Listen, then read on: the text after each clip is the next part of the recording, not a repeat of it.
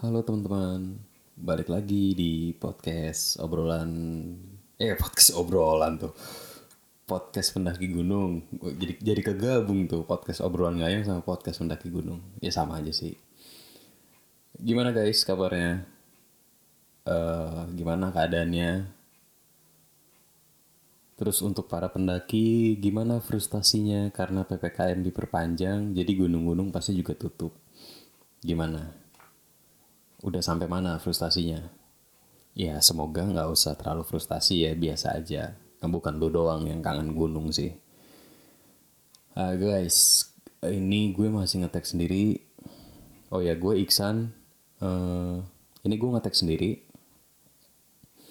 Kita masih ngetek masing-masing seperti yang udah kemarin-kemarin kondisinya udah gue kasih tahu ya kita masih belum bisa untuk bareng jadi kita ngetek masing-masing. Yang penting karya tetap berjalan gitu.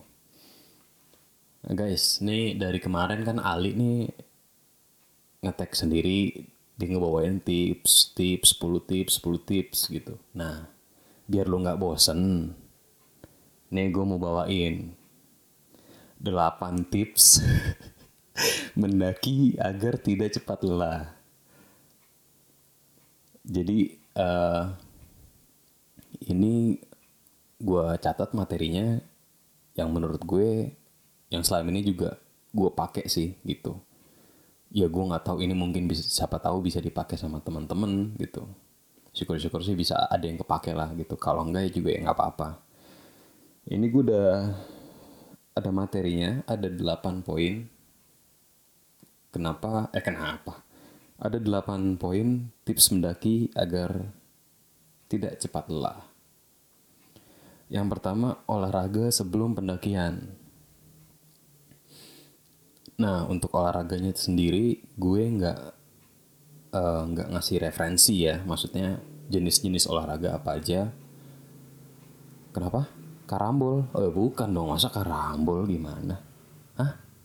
Silat lidah? Lah enggak juga dong, bukan ini olahraga fisik olahraga fisik. Ah gimana sih? Jadi uh, jenis olahraganya silahkan kalian nentuin sendiri dan durasinya juga kalian yang tahu gitu. Cuma kalau gue gue biasanya satu mi satu bulan sebelum pendakian atau dua minggu lah. Minimal dua minggu sih sebelum pendakian. Gue tuh yang gue yang gue lakuin ya gitu. Yang gue lakuin setiap hari uh, sit up sama push up. Masing-masing dalam satu hari itu 20-20 tapi gue bagi kalau pagi uh, sit up 10 push up 10 malam gitu lagi. Nah minggunya itu gue biasanya jogging gue lari. Biasanya gue ngincer jam 4 sampai jam 6 lah atau jam 5 jam 6 gitu. Dengan dengan waktu yang gue bisa gue cuma bisa larinya ya minggu sore gitu. Kenapa gue uh, menurut gue ini kenapa harus lari? Karena buat ngebiasain kaki biar biar nggak kaget aja gitu. Karena se, se sejauh-jauhnya lu lari di jalanan yang datar itu kalau mau dibandingin sama jalur di gunung itu jauh banget sih bedanya gitu. Kalau rasio ya satu banding tiga lah. Maksudnya jauh gitu. Nah untuk durasi jenis-jenisnya gue gua balikin ke lu semua. Cuma sebisa mungkin tetap olahraga minimal sih dua minggu sebelum pendakian. Karena kalau ada apa-apa misalnya lu kram gitu karena kurang kurang olahraga kaget gitu pas naik gunung. Yang pertama ngerasain dampaknya ya lu sendiri dan teman-teman lu dan lu juga jangan uh, jangan ngandelin temen lu ah gampang lah gue ada temen gue ini kalau ada kalau gue ada apa-apa gitu. Ah jangan juga. Jadi lu bertanggung jawab sama diri lu sepenuhnya gitu. Uh, yang kedua ini packing carrier dengan benar. Sebentar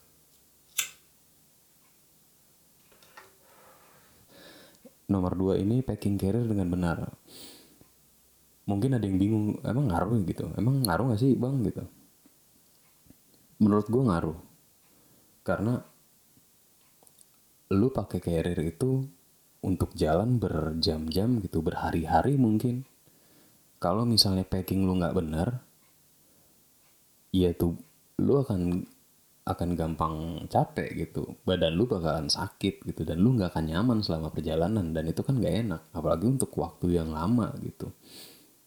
Karena packing packing carrier ini buat gue seni dalam pendakian gitu. Ya carrier itu temen lu gitu carrier itu temen lu gitu dan carrier itu juga survival kit lu seandainya ada apa-apa sama lu nanti yang jadi survival kit ya carrier lu gitu. Jadi kalau di sini lu coba uh, ini untuk yang teman-teman yang belum tahu ya gitu. Lu coba pakai konsep uh, comfortable center of gravity itu jadi titik berat ada di tengah. Jadi di carrier nih, kalau mau diurut barang-barang dari bawah sampai atas, yang paling bawah itu yang beratnya menengah. Nah, di tengah itu yang berat tuh, yang bagian punggung lo. Punggung sama pinggang tuh. Nah, yang kecil-kecil, yang ringan-ringan itu paling atas atau yang gam yang sekiranya mau dikeluar kalau ada apa-apa dikeluarinnya cepet ya lu taruh di atas gitu. Jadi susunannya bukan yang berat paling bawah tapi yang berat ada di daerah punggung biar ya karena di bagian tubuh ini yang paling kuat nahan beban ya punggung sama pinggang. Jadi fokusnya beratnya di tengah gitu. Untuk lu tahu nih cara packing packing lu udah bener apa enggak kalau gue biasanya abis gue packing nih itu carrier gue gue berdiriin. Maksudnya gue gue diriin gitu gue dudukin lah. Kalau dia jatuh berarti kalau dia jatuh berarti nggak imbang tuh. Atau dia miring ke kiri nih oh berarti barangnya berat di sebelah sini nih harus pindahin ke arah sebaliknya kayak gitu-gitu. Kalau packingnya bener itu carrier lu diriin ya udah dia berdiri gitu kokoh nggak nggak miring ke kiri nggak ke kanan nggak jatuh gitu. Itu kalau buat ngukur bener udah bener apa enggaknya. Kalau gue sih itu. Oke. Okay. uh, eh, yang nomor tiga. Oh iya ini gue bisa gue jadi dua part ya. Kalau nanti udah kepanjangan gue bagi kayaknya. Yang nomor tiga ini perhatikan langkah jadi an analogi lain nih kalau gue ngambil analogi lain. Mendaki itu kalau ibarat lari ya bukan lari jarak pendek bukan sprint gitu. Tapi lari jarak jauh maraton. Nah untuk untuk bisa itu lu perlu ngedapetin apa ya lu harus ngedapetin kecepatan sama ritme berjalan lo kalau dari kalau gue biasanya cara gue biar nggak capek gue ngelangkahnya kecil-kecil sih. Jadi gue nggak ngambil langkah yang jauh gitu. Gue ngambil langkahnya kecil-kecil gitu pelan. Dan kalau gue emang kalau setiap uh, mulai pendakian gue biasanya santai dulu sih. Pelan banget biasanya. Biar gue nggak kaget gitu. Biar ya kan gue nggak tahu juga ya. Takutnya kalau terlalu langsung gua gas gua keram repot juga gitu uh, ngambil langkahnya ya tadi itu ya apa yang ngambil langkah kecil aja gitu. Nah nomor empat perhatikan nafas. Jadi kalau yang tadi tiga langkah ini, ini yang empat ini uh, nafas lo gitu. Sebenarnya sih ini nyambung sih tapi gue pisah. Yang gue maksud nafas di sini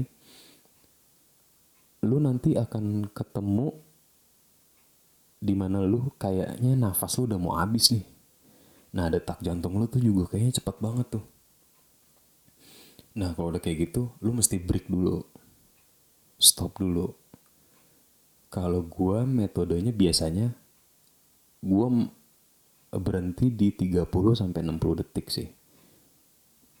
Kalau misalnya uh, jadi gue gue misalnya udah wah nggak bisa nih gue udah udah nggak bisa lanjut gue berhenti dulu. Gua, terus gue ngeliat jam tuh gue ngeliat jam tangan. Gue hitung sampai satu menit baru gue jalan lagi pelan lagi. Atau kalau udah parah banget gue biasanya ngambil nafasnya panjang gitu. Gue ngambil gue ngambil nafas panjang gue tahan gue buang pelan gitu. Itu dua atau tiga kali kayak gitu itu ngebantu normal lagi sih cuma ya tadi makan waktu juga lu mesti tenang dulu. Jadi pas lu berhenti udah lu tenang dulu gitu. Fokusnya ke, ke lu ngebenerin nafas lu aja dulu. Dan kalau emang lu harus break uh, lu mau makan dulu atau apa dulu gitu. Biar buat dari gue minimal eh maksimal sih 10 menit deh ngejaga biar lu nggak kena hipotermia lagi dalam keadaan capek gitu. Dan biar kalau istirahat terlalu lama otot lu jadi bakal istirahat lagi. Lu jadi kayak kayak ngulang lagi gitu. Untuk ngedapetin ritmenya lagi. Jadi kalau emang mau istirahat ya pakai metode yang tadi tuh yang sebentar itu yang uh, berapa? 30 sampai 60 detik kalau gua gitu. Ya lu pintar-pintar deh. Karena kan kondisi kita kan beda-beda gitu. Cuma lu pasti ngerti deh konteks gua ke mana gitu. Ya, taruh, ini udah berapa menit sih? 11. Ah, nomor 5 ini yang gue tulis biasakan berpijak dengan telapak kaki, seluruh telapak kaki ya, bukan ujung kaki. Ini emang nggak bisa diterapin di semua jalur pendakian. Tapi kak, selagi bisa lu dapet jalur yang yang lu buat napak kaki lu bisa dapet dapet apa sih? Dapet telapak kaki lu semua lu ambil jalur itu. Karena kalau lu ngebiasain pakai telapak apa kayak ujung ujung jari ini ujung kaki itu sakit banget pasti nantinya. Takutnya perjalanan lu masih panjang gitu belum turunnya gitu emang yang paling aman selalu pakai uh, telapak kaki gitu. Gua pun kalau misalnya kena apa ada jalan ada jalan yang akar gitu. Akar akar terus tanah-tanah yang bentuk ketak apa ya bekas pijakan gitu. Selagi gue bisa pakai pakai telapak gue pakai telapak. Kalau akar-akar gitu gue biasanya malah pakai telapak kaki sih. Gue tengah gitu. Karena buat ngejaga keseimbangan juga. Se senyak ya nyamannya gue sih kayak gitu ya. Jadi biar lu nggak nggak cepet capek ya salah satunya itu. Lu harus pinter-pinter cari gue nginjek yang mana ya? Gua, mungkin sepele sih itu tapi buat gue sih ngaruh gitu. Karena di gunung tuh hal, hal kecil bisa jadi hal besar sih. Itu di nomor 5 nah nomor 6 ini jaga tubuh lu untuk tetap tegak selama pendakian. Jadi tuh di ya, ya gimana ya? Di carrier chest belt hip belt terus balance belt gitu. Itu semua kan bukan hiasan gitu. Itu semua tuh nge untuk ngebantu posisi tubuh lu nyaman. Dengan carry itu dengan posisi lu yang tegak gitu. Jadi ya lu tegak sebelum lu mau mulai jalan nih ya lu lu tegak dulu lu pasang baru pakai carrier nah lu sesuaiin tuh. Jadi ya carrier itu yang ngikutin bentuk tubuh lu selama di pendakian bukan lu ngikutin si carrier. Jadi kayak orang keberatan carrier gitu loh. Bukan bukan kayak gitu ya. Karena ini ngaruh banget. Gue pun juga uh, ngerasain gitu pak uh, apa sih namanya pas gue sempat ngebungkuk gitu gue agak tegak gitu. Beda banget emang gue sih salah sih sempat sempat salah sih gue gitu gue pas lagi mau jalan pakai carrier segala macem posisi gue emang agak bungkuk jadi jalan tuh gak enak banget. Nah kalau udah posisinya udah setelannya kayak gitu tuh kalau badan gue gue tegakin carriernya jadi gak enak tuh. Nah mesti gue set lagi nah kayak gitu-gitu. Jadi sebisa mungkin dari awal lu udah tegak aja sih gitu. Oke. Okay. uh, sebentar. Nomor tujuh. Jangan ngeluh. Nah ini sebenarnya gue gak tau ya. Lu buat lu pendaki nih yang pernah naik lu pernah ngeluh lu ngerasain juga apa enggak? Cuma menurut gue ngeluh itu enggak di gunung ya terutama. Ngeluh itu lu cuma ngebuat rasa capek lu dua kali lipat gitu. Atau bahkan berkali-kali lipat. Karena gue punya uh, punya pengalaman pribadi gitu tentang gue ngeluh dan ya hasilnya kayak yang ya yang ya gitu deh. Jadi ngaco ke mana-mana dari situ gue belajar oh ternyata gue nggak boleh ngeluh nih di gunung. Gue sempat ngeluh dulu cuma semenjak itu gue oh gue nggak mau lagi deh gitu. Jadi kita tuh mesti kalau gue ngejaganya gue nggak mikir. Yang paling simpelnya sih. Simpel untuk diomongin sih ya. Cuma kalau dilakuin kayaknya jangan mikir tuh. Buat orang kan beda-beda apalagi kalau ada yang overthinking gitu kan ya gue nggak tahu juga ya. Cuma yang paling simpel ya jangan mikir. Gue selalu make make uh, ingetin diri gue sendiri pun ya kayak gitu. Terutama di jal di gunung yang yang jalurnya tuh nggak bisa diremehin lah gitu. Gue selalu ngingetin diri gue oh nih gue kayak jangan mikir sini nih. Soalnya kalau mikir jadinya ke mana-mana aduh ngapain nih gue ke sini? Aduh ini nih aduh ini. Aduh capek aduh turun lah jadinya kayak gitu. Dan dulu gue kok kejadian gue kayak gitu juga. Makanya jangan ngeluh. Ngeluh cuma ngebuat ya rasa capek lu berkali-kali lipat. Kosongin aja pikiran lu atau lu berpikir atau ngomong sesuatu yang positif-positif aja. Karena itu nanti ngebantu lo buat kan kayak kayak sugesti sih ya jadi itu ngebantu lo biar tetap gay, bergairah gitu tetap semangat. Pokoknya hindari ngeluh atau segala bentuk perkataan yang negatif sih. Nah nomor 8 jaga asupan kalori sama air selama perjalanan. Nah uh, ini mungkin bukan mungkin pasti beda-beda untuk untuk untuk uh, kita semua gitu untuk yang poin ini. Cuma ini gue ngebahas kulitnya aja ya. Jadi ya seperti yang lo tahu kalau naik gunung itu capek banget, ngebakar kalori banyak. Nah lo harus ngeganti kalori-kalori itu selama perjalanan yang berjam-jam. Biasanya kalau gue dan teman-teman pendaki lain yang gue perhatiin, teman-teman gue juga termasuk ya kita konsumsi yang manis-manis.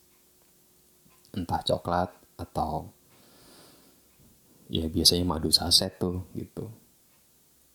Bahkan gue pernah nyoba gue bawa gula merah tuh. Gue nggak gue nggak uh, gue sempat nyoba pakai gula merah dan wah enak juga ya gue gue pikir. Buat buat kalorinya gitu buat karena di di jalur kan ya buat nahan lapar ngeganjel perut lah ibaratnya. Ke situ juga sih gue cuma cuma itu doang ya gue nggak pakai nasi doang. Ya murni murni gula merah aja gitu. Sama air. Uh, gue gini deh. Gue biasanya waktu awal gue naik gunung ya itu gue minum sama pendakian parah boros. Dan ternyata gue salah semakin gue minum banyak, ternyata gue semakin aus. Dan akhirnya dari situ gue ngerubah tuh, gue gue paksa gitu. Jadi gue minum kalau bener-bener tenggorokan gue tuh udah kering banget. Sebenarnya sih ini jangan ya. Cuma gue nyoba, jadi gue bener-bener tenggorokan gue kayak kering banget. Terus gue minum, gue minum pun juga untuk ngejaga buat ngebasahin tenggorokan doang lah ibaratnya seteguk doang kadang dua teguk sih udah. Dan itu ngebantu ngebantu gua juga gitu termasuk dalam hal dalam hal logistik ya. Ini kalau mau belok dikit termasuk ngebantu dalam hal logistik. Kalau gue cuma bawa air 3 misalnya berarti kan gue harus mikir-mikir apalagi uh, di gunung itu mungkin sumber airnya susah gitu. Jadi metode ini sebenarnya ngebantu banget biasain lu bawa uh, makanan ringan yang manis-manis ya lu bisa coklat bisa yang tadi gua gula merah gitu madu mungkin madu jangan madu botol madu saset. Terus yang minum biasain minum sebelum tenggorokan lo kering dan untuk ngebasahin tenggorokan aja. Nanti kalau misalnya udah ngeres di pos berapa ngeres baru deh tuh. Itu sih yang ngejaga yang selama ini gue lakuin ya gue nggak semoga ini bisa relevan sama temen-temen. Ya dari gue sih udah itu aja. Kalau dari pribadi gue yang uh, yang gue jalani itu tadi delapan itu. Sama kalau mau gue kasih tambahan biar lu nggak cap cepet capek di gunung lu bisa pakai trekking pole. Ya macam-macam lu mau satu doang atau mau pakai dua. Misalnya lu pak tangan kiri megang trekking pole tangan kanan lu megang kamera misalnya lu sambil ngevlog gitu. Itu bisa. Intinya kalau pakai tracking pole tuh kaki lu kayak ada empat sih. Jadi ngebantu energi lu juga gitu. Lu kayak nge-save energi lebih deh. Gue sih belum pernah pakai tracking pole tapi ini gue saranin aja kalau lu mau mau pendakian lu mungkin bisa lebih cepat lu mau nge-save energi ya lumayan lah. Ya lu bisa tuh pertimbangin untuk pakai tracking pole. Oke. Tadi udah semua tuh dari gue 8 poin. Wah 22 menit sorry ini kelamaan. Tadi udah semua poin dari gue. Uh, semoga bisa. Ada yang ada teman-teman yang ada yang bisa diambil ya sama sama teman-teman meskipun mungkin cuma satu poin dua poin. Mudah-mudahan bermanfaat bagi lu semua oke gue Iksan cabut